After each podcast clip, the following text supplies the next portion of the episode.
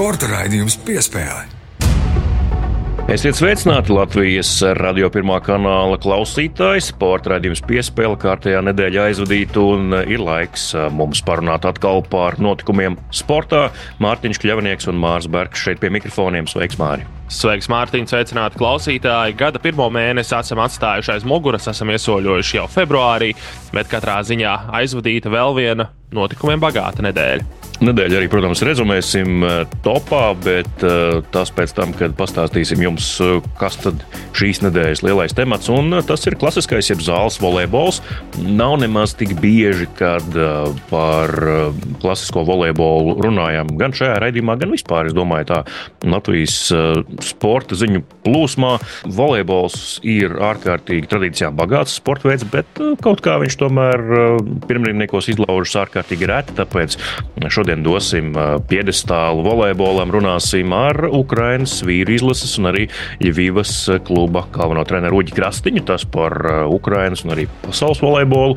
Mm, savukārt par vietējo volejbolu sarunāsimies ar vietējās federācijas pārstāvi. Jā, tā ir klasiskais volejbols. Tomēr ir palicis nedaudz pludmales volejbola ēnā Latvijā. Tomēr pludmales volejbolisti mūsu nu jau gadus 15, pat vairāk regulāri iepriecina ar augstiem panākumiem, bet zāles volejbols arī turpina savu dzīvi Latvijā. Un, Kā jau minēja par vietējā volejbola un it īpaši pašmāju Latvijas volejbola izlases aktualitātēm, aprunāsimies ar Latvijas vīriešu volejbola izlases menedžeri Artūru Vitkovski. Viņš tad arī pastāstīs, kāda tad īsti šobrīd ir situācija ar galveno treneri, vai amatā paliks polis Mihāls Gogols, Un kā tur varētu tikt viesa skaidrība, un arī nedaudz ieskicēs to, ko tad izlase darīs šajā vasarā. Jo pagājušajā gadā atceramies, vīru izlase uzvarēja Eiropas sudraba līgu, šogad sāksies Eiropas čempionāta kvalifikācija. Jā, kāda ir izlases plāni, to mēs arī skaidrosim raidījuma gaitā. Bet nu gan maza pauzīte, ieelpai, un tad ķeramies klāt pie nedēļas spilgtāko notikumu topā. Sporta raidījums piespēlē.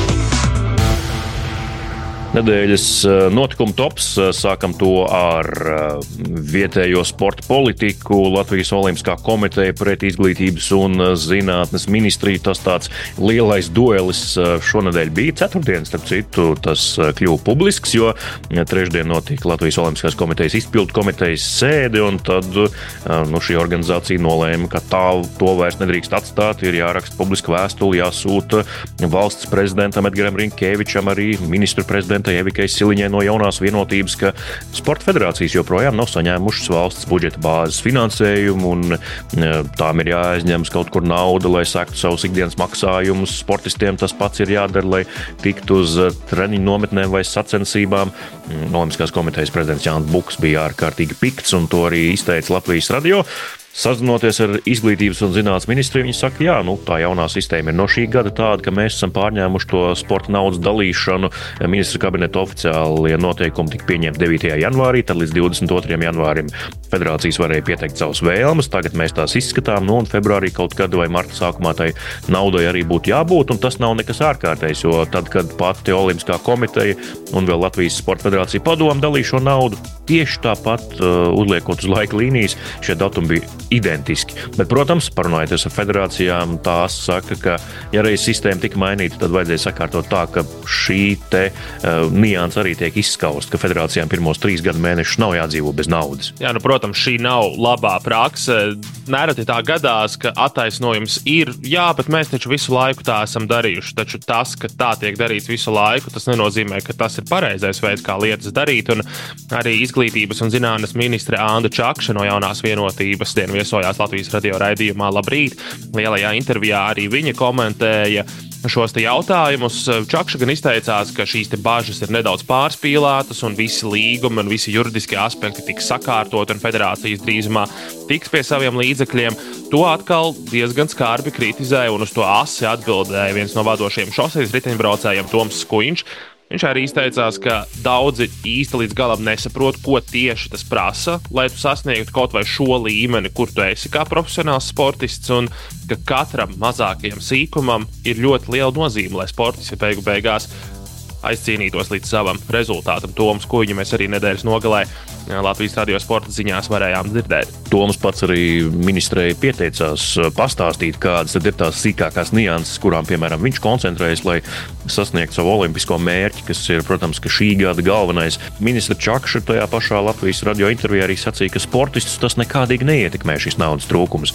Apmēram, ka viņi jau ir pieraduši pie tā, ka naudas šajā laikā nav, bet kā jau mēs to atkārtot vēlreiz uzsveram, tā tam nav jābūt jābūt. Ja sistēma tiek mainīta, tad sistēma ir jāuzlabo, nevis jāatstāj tāda pati, kāda tā bija. Un, uh, protams, ka komiski ir tas, ka zem šīs atklātās vēstules prezidentam un premjerei parakstās arī cilvēks, kurš pēdējos 25 gadus ir bijis pie šīs naudas dalīšanas un daļai šo mm, kārtību ir ieviesis un arī uzturējis, bet tas jau ir cits stāsts. Līdz ar to arī liekam punktu šīs nedēļas topu pirmajai pieturvietai, dodamies pie nākamās. Nākamā pieturvieta šīs nedēļas spilgtāko notikumu topā, kas uh, Ziemas Olimpiskajās spēlēs nav noticis kopš 2014. gada un varētu notikt jau pēc diviem gadiem. Proti, Nacionālās hokeja līnijas spēlētāji varētu piedalīties uh, izlašu hokeja turnīrā. Puses par kaut ko jau ir vienojušās. Tā ir, protams, pati Nacionālā hokeja līga, spēlētāja arotbiedrība un, protams, arī um, Starptautiskā ledus hokeja federācija. Nu, tas būtu ļoti labi, ja visā augstākā līmeņa hokeja sacenstos Olimpiskajās spēlēs. Jā, pēdējo reizi NHL spēlētāji Olimpiskajās spēlēs, kā jau teicu, piedalījās 2014. gadā Sočos. Atceramies, tās bija spilgtas spēles. Arī Latvijas hokeja izlasēja ļoti aizraujošā spēlē zaudējums ceturtajā Kanādas valsts vienībai, kas būtībā Tikai mača pēdējās minūtēs toreiz izrāva uzvaru, un atceramies, mūsējie tajā turnīrā bija pēdējie, kas iemeta kanādiešiem vārtus ceturdaļfinālā, pēc tam pusfinālā, finālā viņi palika uz nulītes, savus vārtus nosargāja neieņemtus. Bet jā, līga eh, piekdienas vakarā pēc Latvijas laika, nu tad, tad ASV tas bija dienas vidus, izziņoja, ka ir panākta šāda vienošanās starp līgu spēlētāju arotbiedrību un arī Startautisko hokeja federāciju, ka 2026. un arī 2030. gadā NHL hokeisti brauks uz Ziemas Olimpiskajām spēlēm un piedalīsies. Tāpat ir arī panākta vienošanās, ka jau nākamgad uh, sezonas vidū, ap februāri, notiks četru valstu turnīrs. Tur startēs uh, ASV, Kanāda, un arī Zviedrija, Somija. Tur arī NHL hokejs, pārstāvot savas valstis, sacensties tādā mazā sezonas turnīrā, iekšsezonas pozitīvas ziņas. Pagaidīsim, gan līdz tiks likt parakstu zem kādas eh, konkrētas vienošanās, eh, kas arī papīra formātā būs iegrāmatota, bet eh, tad nu vienīgi jācer, ka laikam, ka mm, Krievijas īdles netiks atgriezta oficiālajā mm, pasaules apritē, un tās hokejas nevarēs piedalīties Olimpiskajās spēlēs, īdles kvalificēsies. Jo pagaidām, cik es saprotu, tas pasaules hokeja federācijas rangs ir iesaldēts vai kaut kas tam līdzīgs, ka Krievija joprojām tur kaut kur augstu figurē. Skatoties arī, kad bija kvalifikācijas turnīru izloze, kā zinām, Olimpisko spēļu kvalifikācija būs šā gada vasaras beigās, tad augusta beigās Rīgā arī Latvijas izlase cīnīsies par vietu uz Olimpiskajām spēlēm. Bet, jā, Krievu reitings ir iesaldēts, un viņi jau skaitās Milānā, pamatturnīrā. Vienā no grupām viņi ir ierakstīti ar piebildi, ja viņi tajā brīdī būs pielaisti starptautiskajām sacensībām. Nu, skaidrs, būsim loģiski un godīgi, krieviem nav ko spēlēt kvalifikācijā. Viņi ir galvasties pārāk spēlēt hokeju, viņi nav aizmirsuši par šiem dažiem gadiem. Bet eh, vai viņiem tur ir jābūt skaidrs, ka viņiem tur nav jābūt? Pilnīgi un absolūti noteikti nē, un ceram, ka IHF arī šajā lēmumā saglabās konsekvenci, un 2026. gadā Milānā viņu vēl nebūs. Jā, mēs savukārt saglabājam konsekvenci un dodamies tālāk eh, šīs nedēļas topā pie nākamās pieturvietas. Piespēle! Nākamā pieturvieta nedēļas topā joprojām nūjas. Tiesa ne uz ledus un ar slidām, bet ar sporta apaviem un bumbiņu uz cietas grīdas. Proti, florbols, Latvijas vīru florbola izlase kvalificējusies pasaules čempionātam. Nu, jāsaka tā, nu, pēc rezultātiem nekā grūti jau tur nebija. Liechtensteina, Vācija un arī Islande. Nu, visām komandām, ja mēs tā izmantojam tautas tādu izteicienu vācelīti pārbrauc pāri. Turklāt iepriecinājis savus skatītājus Liepājā ar ļoti daudz vārtiem, 29, piemēram, pret Liechtensteinu pirmajā spēlē. Tas nozīmē ko? Ka šīs kvalifikācijas ir diezgan bezjēdzīgas, ko rīkos Lielā federācija. Tieši to tas arī nozīmē. Šīs kvalifikācijas tik tiešām ir bezjēdzīgas. Citās grupās ir mazliet intriga. Tur viena no tādām stabilām dalībniecēm, Polija, saskārās ar zināmām problēmām un uh, viņiem bija grūtības. Bet jā, Latvija spēlē rezultatīvi. Protams, Liechtensteina un Islande tās absolūti nav Latvijas līmeņa komandas. Tur droši vien arī kādi no Latvijas U izlasēm varētu izcīnīt uzvaru. Kādu U18 izlasi, varbūt pat U16 varētu apspēlēt šīs komandas tieši uz meistarību. Jo Latvijas florbols, lai vai ko par šo sporta veidu runātu, bet jau vairāk kā 20 gadus Latvija tur šī sporta veida elitē un uh, ir augsts. Un, protams, vienīgais, kas pārsteidza, bija rezultāts pret Vāciju. 10-1. Ļoti pārliecinoša uzvara, pilnīgi bez variantiem vāciešiem. Šī ir komanda, pret kuru pasaules čempionātos mūsējiem nesekmējas. Un Latvija divreiz ir uzvarējusi Čehiju, un pēc tam, ja mēs atkal runājam tautas valodā, ir aplaususies pret vāciešiem un nav sasniegusi četrnieku, kas ir tik ļoti kārots mērķis, kas nekad nav līdz šim izdevies. Nu jā, un šoreiz izdevās Vāciju tiešām sagraut, kas bija neliels pārsteigums. Tiešām, jā. Nākamā top pieturvieta spilgts eh, bija šis viens citāts, eh, ko mm, Latvijas televīzija fiksēja pēc eh, sacensībām piekdienā Eiropas čempionātā skeletonā. Tas vienlaikus ir arī pasaules kausa posms. Gan kungiem, gan dāmām notika sacensības. Dāmām no Latvijas startēja Endija Tērauda, kura pēc bērniņa laišanas pasaulē ir atgriezusies sportā. Nu, tur 25. vieta nekas dišs, arī neko vairāk nevarēja gaidīt. Tās vairāk tādas emocionālas nacionālas sacensības. Viņai Dārta Zunta pārstāvēja Igauniju, kā mēs to jau zinām, ne pirmo gadu. Mm, savukārt, mm, puišiem, kungiem, vīriem mm, nevienu Latvijas pārstāvju, un Ivo Steinbergs, Latvijas jauno talantu audzinātājs, Skeletona akadēmijas vadītājs, ar kur mēs arī šeit piespēlē pagājušajā gadā runājām, izteicās ļoti skarbi saistībā ar Latvijas Bobslēnu Skeletona federāciju. Viņš teica, jaunie skeletonisti tā jau šogad ir daudz kavējuši skolu, bet mēs balstamies uz saviem līdzekļiem. Federācija mums vispār nepalīdz, tāpēc tas ir arī kaut kādā mērā principi jautājums, ka mēs nestartējam šeit Eiropas čempionātā pieaugušajiem. Jā, nu tas ir diezgan skarbi, ka tā principiāli iecirsties un nestartēt savā mājās, savā māju trasē Eiropas čempionātā, jo ir tomēr kašķis ar federāciju. To arī Dainis Dukurs, brāļu Dukuru tēvs un, protams, arī treneris arī nereiz vien ir teicis, ka Bobsleja un Skeletona federācija tās vajadzētu nodalīt. Ir Bobsleja federācija un Skeletona federācija. Tā būtu pareizi, jo Dainis tiešām ir daudz kritikas veltījis uh, federācijas rīcībai, tam, kā tā izturās pret skeletonu, ko dara vai nedara. Nu, un šeit arī Ivo Steinbergs acīm redzami sulīgi ir izteicies par šo jautājumu. Bobslēnas Skeletona federācijas vadības retorikā jau arī nereti ir tāda ļoti piesardzīga vārdu izvēle saistībā ar skeletonu. Mēs vērojam, mēs skatāmies, ko tur dara Dainis ar Ivo Steinbergu Skeletonu akadēmijā mēģināsim palīdzēt. Ir arī tādi vārdu mm, savienojumi izmantoti, acīm redzot, nu, kamēr nav rezultātu, kā pie brāļiem Dukuriem,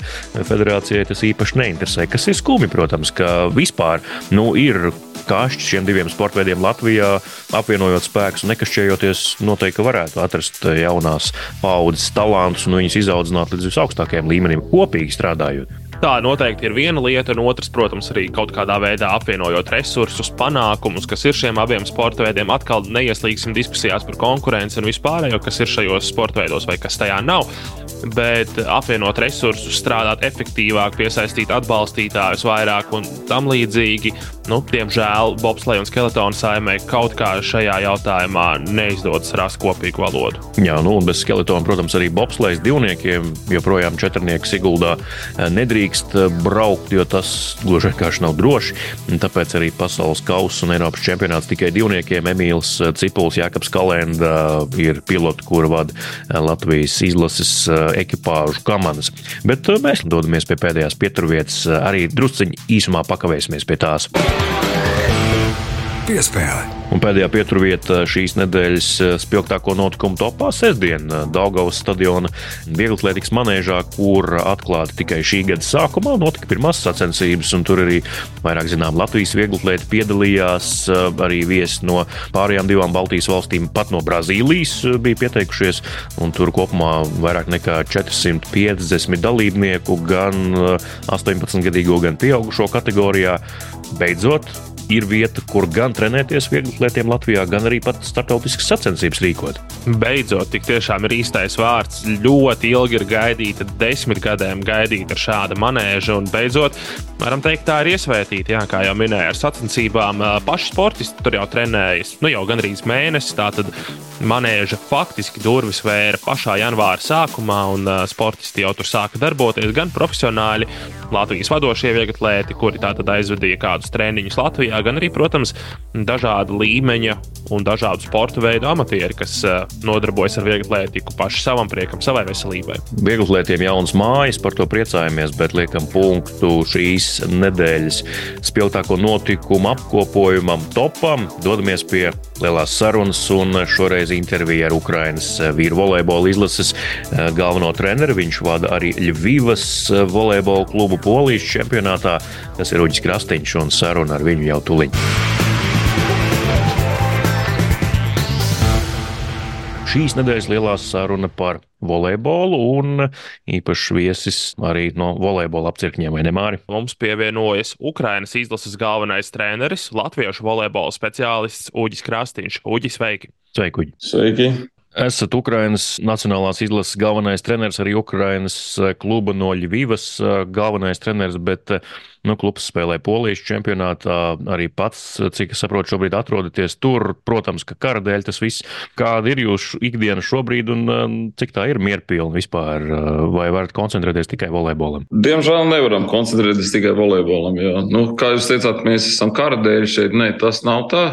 Mēs jau kādus gadus trīs, četras, ne īstenībā pat piecas pirms kara sākuma strādājam pie tā projekta, lai mēs ar klubu varētu spēlēt šeit, Polijas līgā. Un vienkārši tas tā sakrit, ka mēs sākām pirmā sezonu, mums šeit bija līdz ar kara sākumu. Ja, nu, Bet tam, ka tas, ka klubs spēlē, Ļuvovs klubs spēlē Polijas līgā, tam nav nekāda sakara ar karu.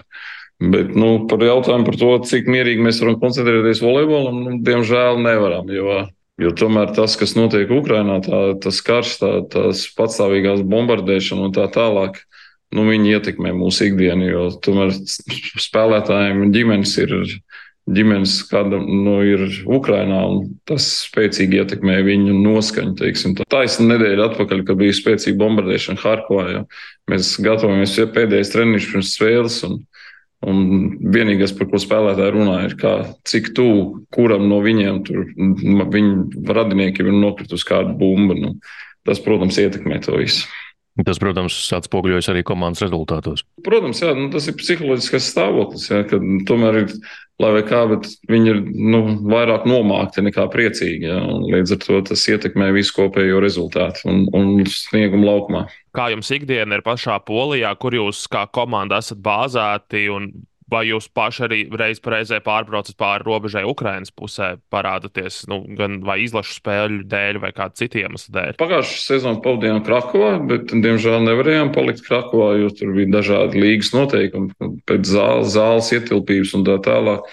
Tagad pašreiz esam starp Lodzu un Vroclavu, tādā mazā pilsētiņā Vielunu, kas ir, un spēlējam un dzīvojam šeit kas attiecās ar iebraukšanu Ukrajinā. Nu, pēc kara sākuma, jā, es esmu bijis vairākas reizes Ukrajinā, bet uh, spēlēt un trenēties kā izlase mēs tur nevaram. Ir vairāk spēlētāji, kas nevar iebraukt Ukrajinā, jo viņi līdz ar kara sākumu nebija Ukrajinā. Līdz to, ja viņi pašreiz ierastos Ukrajinā, viņi nu, momentā būtu milzīgs risks, ka viņi varētu tikt iesaukt armijā. Laika pa laikam tiem spēlētājiem, kas ir izbraukuši ārā kara laikā, ir jāatgriežas, lai sakārtotu visu dokumentāciju, lai viņi varētu legāli atrasties pašreiz Ukrajinā. Tieši Ukrajinā pašreiz nesat uz visu karu notiek, arī Ukraiņas čempionāts. Viņi gan spēlē visas spēles Černovcos, tas ir pilsētā, kur nu, pa laimi neviena bumba vēl nav uzkritusi. Viņi spēlē pilnīgi visas spēles vienā zālē nu, labi nodrošina gan televīziju, gan video, gan YouTube pārraides. Nu, tā bildīte izskatās pietiekuši labi. Ja. Nu, viņam iet aktīvs čempionāts notiek. Sacījāt, ka mm, skaidrs, ka ģimenes locekļi spēlētājiem ir Ukrainā un, un uztraukums ir par viņiem, kā viņiem tur sokas. Vai ir arī kādi spēlētāji, kuri ar ģimenēm ir tagad Polijā un, un viņi arī savus radus ir paņēmuši līdzi? Jā, jā, ir gan ar, ar ģimenēm arī ir. Tas šeit ir, bet radus nē. Jo interesanti ir tas, ka neskatoties to, ka uh, tur notiek kara darbība un bombardēšana, tomēr ģimenes izvēlās daudz palikt Ukrainā. Nu, man spēlētājiem, piemēram, ir šeit kam ir sieva ar bērniem, ir Ukrainā, un viņas tik ik pa laikam tikai sieva ar bērniem atbrauc, paciemojās un brauc atpakaļ uz Ukrainu un dzīvo Ukrainā. Un vienam no spēlētājiem pašreiz uz Harkovu atgriezās sieva, kas bija stāvoklī un ar bērnu, bet viņi izvēlējās atgriezties Ukrajinā, nevis dzīvot šeit. Cik ir dzirdēts arī Latvijā, dzīvojošie Ukrāņi pēc kāda pusgada vēlas braukt atpakaļ. Viņi saka, lai gan jā, Latvijā ir daudz drošāk un mierīgāk, bet mēs tomēr vēlamies mājās, lai kā tur būtu. Tā laikam ir tāda ukrāņu iezīme, ka viņiem tā, tā dzimtā zeme ļoti tuvu. Ukrāņiem nav nemaz tik vienkārši tajā ārzemēs dzīvot, jo Jo viņam tomēr tā mentalitāte stipri atšķirās. Un, un, nu, es neteikšu, ka Viņas tur baigi visu gaida ar atklātām rokām. Jā, nu, palīdz, jā, neviens palīdzībai neatsaka. Visi, visi Ukrāņi saņem palīdzību un tā tālāk, bet ne paši Ukrāņi lāgā grib to palīdzību. Ne, kaut kā jau, teiksim, es nezinu, viņš arī Ukrāņi šeit nejūtās ērti. Es nezinu, kāpēc tieši tur tās nianses, bet viņi nav tā, ka viņi te ar baigo prieku uzturās ārpus savas valsts. Kā poļi jūs tur ir uzņēmuši, nu, tādā sadzīviskā ziņā skaidrs, ka laukumā draugu nav un neviens neko nedāvina, bet tieši sadzīvē un uh, līgas tādā izpratnē. Ļoti pretīm nākoši arī šeit uz vietas pilsētā. Nu, mēs sastopamies teiksim, ar tādu atbalstu un ar pretīmnākšanu. Pat ir šogad mums ir parādījušies poļu sponsoru klubam. Nu, ne visu dara priekš mums, lai mums būtu simtprocentīgi komfortabli, bet uh, pa lielam mums nav pie kā piesieties. Viss tiek nodrošināts. Un, Un arī teiksim, vietējiem klubiem tas nenāk par sliktu, ka mēs šeit esam, jo līdz ar mums nāk arī kaut kāds finansējums, nāk kaut kāda dažāda fonda atbalsts. Ja, nu, piemēram, šeit mēs ienācām, tagad zālē tika iztaisīts remonts. Ja, viņi ieklāja jaunu grīdu, ieklāja jaunu apgaismojumu. Nu, tā īsti nebūtu par ko uz mums dusmoties, ja, bet teiksim, ka mēs varētu izvēlēties šeit sev vērtos treniņu laikus, nu tā diemžēl nav. Neskatoties uz to, teiksim, ka mēs esam šeit pluslīgas komanda ir prioritāri treniņa laiks izvēlās vietējā otrās līgas komanda, kas ir teiksim, pēc spēka ranga trešā. nu, tā apmēram. Jā, sacījāt jau, nu, ka esat tomēr polijas čempionātā, tāpēc, ka vēlaties sportisko izaugsmu. Tas vienkārši ir sakritis ar, ar to kara laiku. Nu, kāda ir atšķirības starp, piemēram, to pašu Ukraiņas čempionātu, kādreizējo un, un tagadējo polijas līgu? Atšķirība ir milzīga. Jo Ukraiņas čempionātā, ja Nu, tur bija maksimums līdz četrām līdzvērtīgām komandām. Nu, maksimums. Tad pašreiz arī viņam te, teiksim, pašreizējā čempionātā, kas tur notiek, ir nu, trīs līdzvērtīgas komandas, nu, un tad ir pārējie. Ja. Tad šeit, ja čempionātā piedalās 14 komandas, tad nav vāji pretinieki. Nu, vienalga, nu, piemēram, pēdējā vietā esošā komanda, viņiem ir divas uzvaras vai cik. Bet, nu, viņi nāk virsū kā traki, un, un tur nav vispār variantu, ka tu varētu nu, uz, uz puskājas nospēlēt kādu maču, nu, teiksim, nu, uz meistarību izvilkt viņu, neiet cauri tas. Te vai nu tu dragā pa 120% katrā spēlē, vai nu tu vienkārši zaudēsi. Te, te nav vidusceļa nekāda. Tu nevari atļauties atbrīvoties ne uz mirkli, jo tomēr lielākajā daļā pārstāv no dažādu valstu izlasēm, un līdz to tas līmenis ir augsts, un šeit ir reāli jāiespringst. Te pa brīvu tu nevari dabūt vispār nevienu punktu, kur no pa sēt. Jums arī klubā spēlē divi Latvijas izlases spēlētāji, cēlājs Denis Petrovs un arī diagonāli Kristers Dārdzāns. Kā mūsu puišiem eh, sokas komandā un eh, vispār šajā polijas līgā, kur, kā minējāt, nu, tiešām līmenis ir augsts un ir top izlašu, top spēlētāji. Ir ko iespringt. Ja, Denis spēlē regulāri, ja, viņš uz tādu lomu arī tika ņemts. Būtu kā pamatcēlājs, Kristers vairāk tika ņemts eh, uz izaugsmu, ja kā otrā diagonāla un teiksim, iesaistās spēlē uz mājiņu. Pamatsastāvā nav vēl sācis šogad nevienu spēli, bet arī Kristers nu, rāda lēnām izaugsmi, ja, tad teiksim, parādās lielāka stabilitāte. Nu, Pirmkārt, jau treniņu procesā tas ir viņa galvenais uzdevums, ja sastādīt konkurences treniņos. Un Denis arī, nu, teiksim, viņam ir jāstād, jārāda patstāvīgs, stabils sniegums. Jo tikko neskatoties to, ka viņš ir pieredzējis spēlētājs, ja, tā tīrus pieredzi neizbrauks. Tas neiet cauri. Un šeit, kur ir tā, teiksim, tā līmeņa atšķirība, ir tajā, ka kādā no tādiem spēles elementiem ir kāda vājāka vieta, tad pretinieks momentā uz to spiedīs. Un tev ir jābūt gatavam turēt šo spiedienu. Un, un Denis arī nos, pras, prasījās no sākuma kaut kāda adaptācijas laiks, lai viņš pierastu, ka blokā vairāk meklēs viņu nekā teiksim, centrālos bloķētājus, kad meklēs viņa rokas, lai viņš būtu, būtu gatavs tam, kad caur viņu centīsies spēlēt un gūt punktus. Nu, viņš pie tā adaptējies ir un labi, labi saspēja mums pašreiz. Jā, nu Denis iepriekš savas karjeras gaitā ir daudz uzspēlējis Krievijas čempionātā. Tur, protams, ļoti augsts līmenis bija savulaik, bet pēdējos pāris gadus viņš šķiet spēlēja nu, nedaudz zemāka līmeņa turnīros. Francijā, šķiet, otrajā līgā, vēl šur tur nu, nebija tā, ka pašā, pašā top līmenī viņš tieši spēlēja pirms pievienojās jums? Ukrainā karš sākās Denis Lauvas kontrakta Krievijā un izbrauca ārā no Krievijas.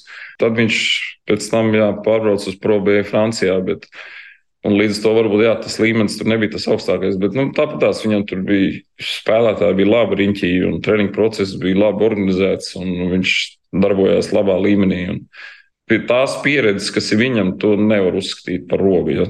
Tas tur viss kārtībā. Viņš mākslinieks uzturēt sev formā. Un, gan tehniski, gan taktiski, gan arī fiziski. Tā kā tur viss bija kārtībā.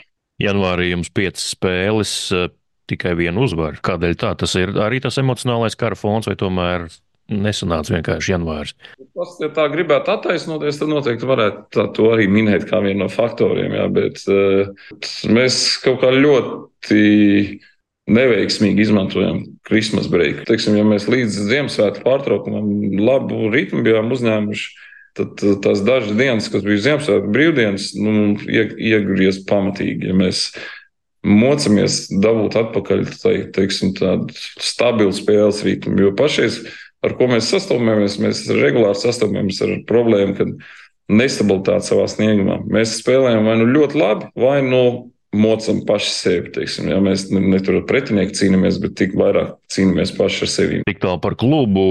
Otra jūsu vadītā komanda, Ukrainas uh, izlase, mm, Eiropas čempionāta ceturtajā fināliste, tāpat arī piedalījāties uh, pagājušā gada izskaņā mm, Parīzes Olimpisko spēļu kvalifikācijā. Tur gan ceļzīme iegūt neizdevās. Mm, tie pēdējie izlases starti, kā galvenais treneris vērtē. Pie apstākļiem, kuros mēs tajā brīdī atradāmies, tad tie rezultāti nav slikti. Vai gribējās vairāk? Jā, protams, gribējās vairāk. Mums bija nu, diezgan sarežģīti norganizēt uh, kvalitīvu sagatavošanās procesu, posmu procesu. Teiksim, tās pašas Brazīlijā, ko mēs spēlējām, to olimpisko kvalifikāciju. Nu, reāli mums tur nobruka sagatavošanās posms. Mēs it kā visi darījām pēc labākās sirdsapziņas un pareizi aizlidojām ātrāk, tur, bet tie, kas mūs tur uzņēma Brazīlijā, viņi absolūti nenovērtēja situāciju adekvāti. Mūsu, principā, pirmās trīs treniņu dienas nebija kā tādas, jo nebija nodrošināta apstākļi. Līdz to mēs gatavojāmies tam izšķirošajam mačam. Ja. Mums bija deviņos vakarā sākās treniņi, laikam, nu, bet arī tikai mums bija trīs vai četri treniņi, ja nepareizi atceros. Nu, čāriem cepuru nost, gāja sitās, jā, jo nu, optimāli mēs nebijām tajā brīdī, bet vienalga parādījām labu sniegu, tur gan arī tas pašs Brazīlijas, tur gan arī piemīcījām, tur divi, trīs tikai zaudējām. Bija tāds labs mačs, tur tas vispār bija interesants mačs no tāda viedokļa, ka, ka izdevās uzkurināt publiku, jo tur bija daudz sanākuši cilvēku, pār pa desmit tūkstošiem remaldos, un, un viņi tā, tā reāli pret mums slimoja. Tas bija rītīgi forši. Tas bija izvēlēts pasaules. Tā, tas jau uzsita asins vēl vairāk. Jā. Jā, viņi no sirds pret mums. Tur, tas bija labs. Tik forši, ka tu tā stāv un tu reāli tu saproti, ka tu viņus moc un visu publiku pret tevi tā auro kā forši. Nu. Un viņa jau, kā, viņa jau ir organizētā publika, viņa jau tur savus dziesmiņus kaut kāds dzied. Nu, tas, tas bija baudām. Tad, tur jau futbola tradīcijas, viss notiek. Jā, jā, nu viņa jau vispār, viņa jau sporta ir tauta ir ļoti aktīva un atbalsta. Tāda pieredze, kur mēs diez vai kaut kur vēl varētu iegūt, jo sacensties ar reālu pasaules, atkal kārtīgi reizē ar reālu pasaules top izlasēm, ja, un ar kurām tu spēlē, cik tur sanāca tas septiņas spēles pēc kārtas. Nu, tas ir tāds ļoti prasīgs turnīrs. Jo, pieņemsim, ja tu paņem tādu pašu pasaules čempionātu, kur mēs tur labi nostiprinājām gadu iepriekš, ja, tur bija trīs apgabals spēles, kas ne visas bija tādā augstākajā līmenī. Un, nu, pēc tam divas plēsoņu spēles. Nu, piecus mačus nospēlēt. Te bija astoņās dienās septiņi mači. Tas bija labs. Jā, nu galu galā septiņās spēlēs trīs uzvaras. Tas arī viss vēl tūlīt pēc Eiropas čempionāta. Tur tā pauze nebija liela. Nu, slodze ļoti liela izlasē, tur spēļu skaits tiešām milzīgs. Jums pagājušā gada tajā posmā, augusts, septembris, oktobris sākums sanāca.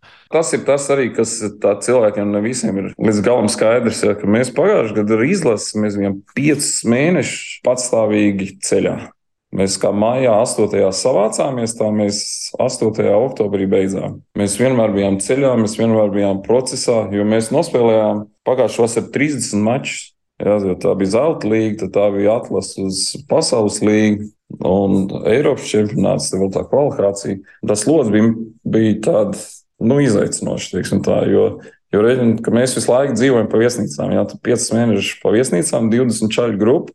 Nu, tur ir gan foršas lietas, gan neforšas lietas. Piegriežās viens otram līdz aknām, un tur sākās visādi, nu, visādi pārdzīvojums tajā sakarā. Bet, nu, bet tā pieredze atkal ir tāda, tas, ka mēs izgājām tās vasaras laikā cauri, tu, tu pa naudu nenopirksi. Jo, nu, kur tik nebija, un ar kādām izlasēm tik nespēlējām. Un pārsvarā jau tomēr bilance pozitīva. Uzvaras bija vairāk nekā zaudējumi. Jā, nu tajā pašā olimpiskajā kvalifikācijā Vācija, Brazīlija, Kuba, Itālija, Čehija arī nav gluži nekādi vakarējie volejbolā. Tā kompānija diezgan iespaidīgi jums tur salsījās tajā kvalifikācijas turnīrā, un pirms tam jau vēl Eiropas čempionāts kā nekā. Tā kvalifikācija tur, protams, vācieši izšāva. Nu, viņi nospēlēja fantastisku turnīru. Rēķina, ka viņi netika Eiropā, pat netika astotniekā, jā, bet te viņi atbrauc un, un Tur sanāca viņa kaut kā laikam 18 stundu laikā. Viņa apspēlēja gan itāļus, gan brazīļus. Ja.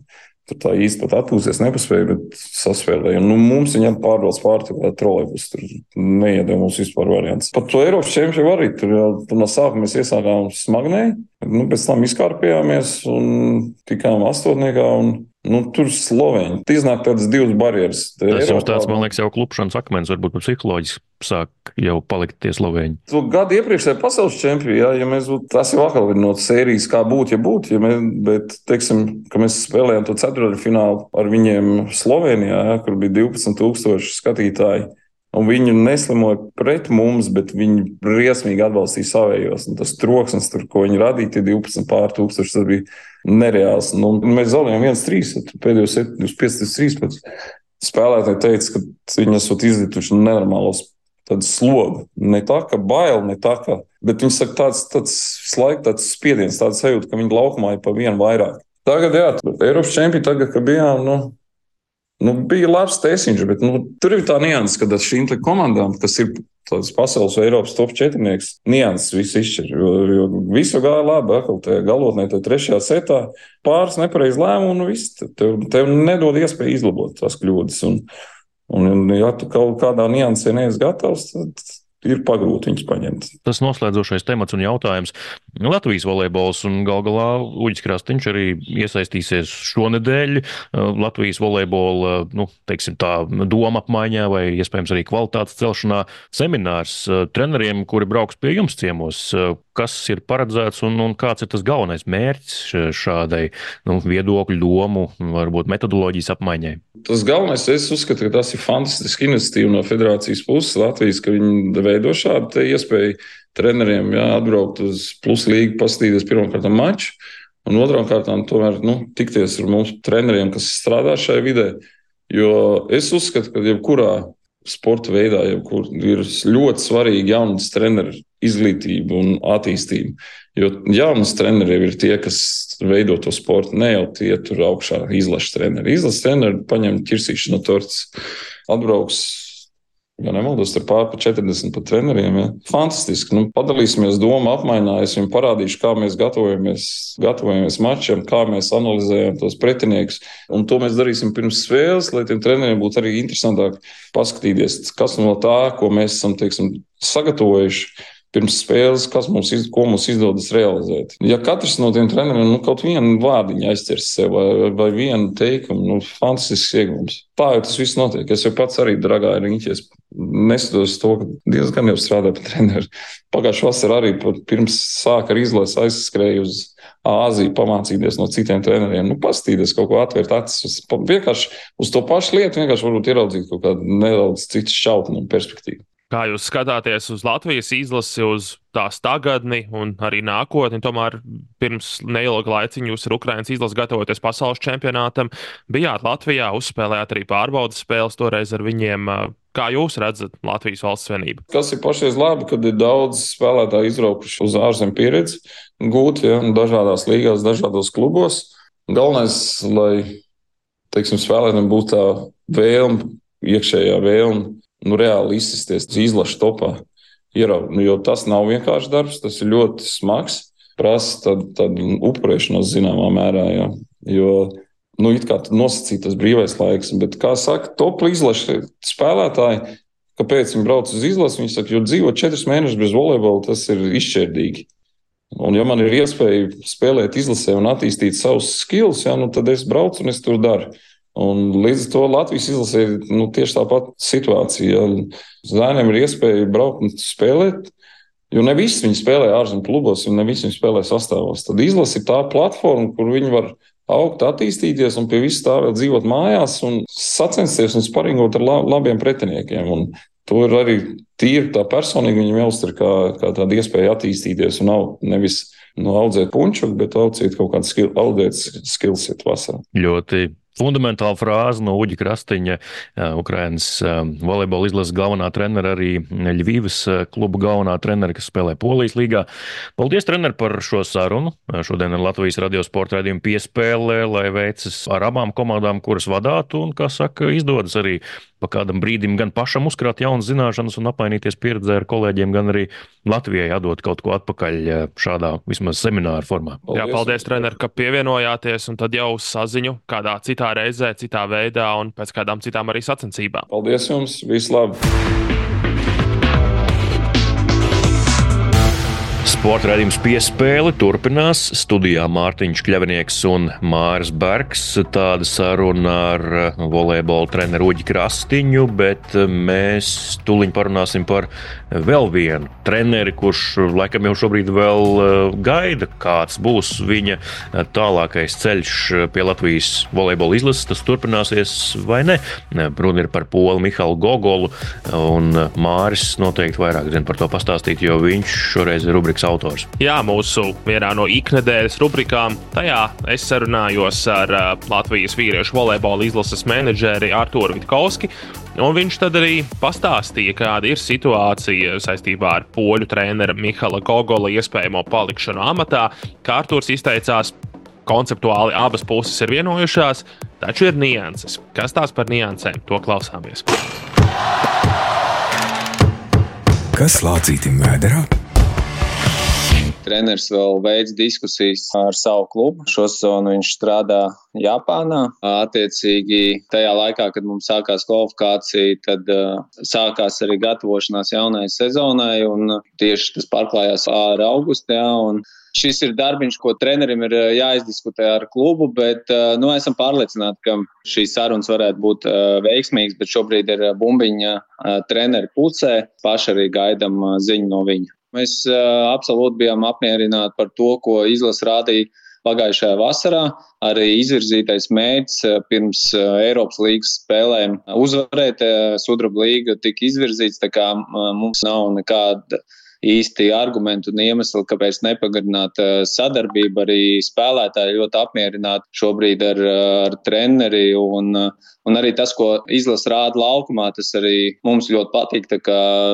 Mēs esam par to, lai arī treneris turpina strādāt. Mēs ar viņu sazināmies, varētu teikt, reizes divās, kā kur reizes reiz trijās eh, nedēļās.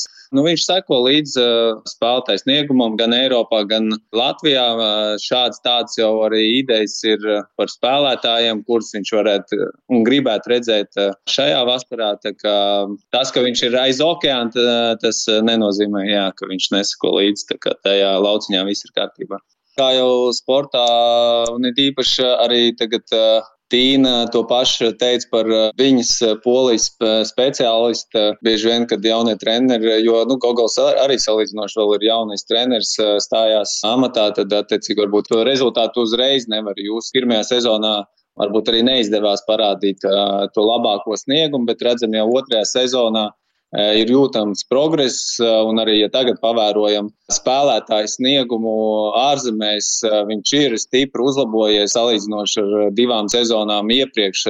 Un tas ir ļoti svarīgi, ka mēs arī strādājam ne tikai pie komandas saspēles, bet arī pie spēlētāja individuālās meistarības pilnveidošanas, jo tas ir ļoti svarīgi, lai spēlētāji ārzemēs spēlētu regulāri, labi, un tad arī viņu uz izlasi atnāks daudz gatavāk. Neslēpšu to, ka interese par Latvijas vīriešu izlasi ir diezgan liela, ne tikai par vīriešu, par sieviešu, bet mēs šobrīd nekoncentrējamies uz B plānu. Noteikti interese vadīt Latvijas izlasi būtu, ja, ja tāda nepieciešamība rastos. Tā mēs esam diezgan pārliecināti, ka izdosies sakārtot šīs lietas. Sapunājos arī ar vairākiem spēlētājiem, pirms arī šādu lēmumu mēs eh, izdarījām. Sajūta bija tāda, ka jā, vajadzētu eh, šajā vasarā varbūt nedaudz atpūsties pēc, pēc garās, jo arī, ja paskatāmies, kā es teicu, diezgan labas sezonas aizvada pagājušā cikla izlases līderi Šmits, Jansons. Viņiem slodzi ir milzīgi. Jā, atvars savainojies, ir, bet arī tagad atgriežas jau laukumā pēdējās divas spēles. Nu, tas tāds lēmums bija paņemt brīvu, ne brīvu, tā, tā ka divus mēnešus mēs neko nedaram. Jūnijā sāksim organizēt open training treniņus, attiecīgi, kad varēs izlases spēlētāji brīvprātīgi ierasties un uh, uzturēt sev formā un sagatavoties uh, šim ciklam, ko mēs uzsāksim jūlijā. Jo skaidrs, ka divus mēnešus bez nekāda darba tas arī uh, var nospiedumu atstāt uz, uh, uz gatavību vispār uh, uzsākt darboties jūlijā sākumā. Tāpēc ļoti svarīgi arī uzturēt vismaz 70% uh, līmenī šo fizisko formu, un to mēs arī mēģināsim izdarīt spēlētājiem nodrošināt. Mainījās pasaules kalendārs, attiecīgi, volejbolā Ja ierast bija reizes četros gados pasaules čempionāts, tad tas būs reizes divos gados. Startautiskajai volejbola federācijai bija vēlme, lai pasaules čempionāts nepārklājās ar olimpiskajām spēlēm, un attiecīgi tāpēc tika pakārtots, kad pasaules čempionāti notiks nepārgados, un līdz ar to nedaudz cieta sanāk kontinentālajie čempionāti, kurus pārcēla uz pārgadiem. Un šajā gadījumā Bija iepriekš plānots, ka 25. gadā būs Eiropas čempionāts, eh, bet tā kā mainījās šis starptautiskais kalendārs, tad uh, nākamais Eiropas čempionāts būs 26. gadā.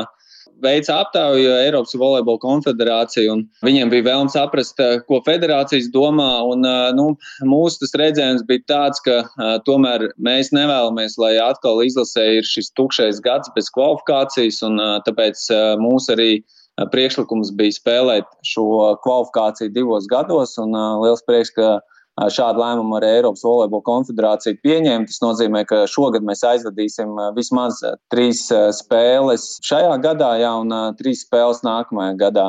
Pagaidām vēl nav zināms, kurš četras valsts organizēs Eiropas čempionāta fināla turnīru, tāpēc arī pagaidām nav zināmi pretinieki. Nu, bet mēs sagaidām, ka februārī cerams jau tiks šīs lietas finalizētas, lai, lai mēs tad arī varam sākt pamazām gatavoties pretiniekiem.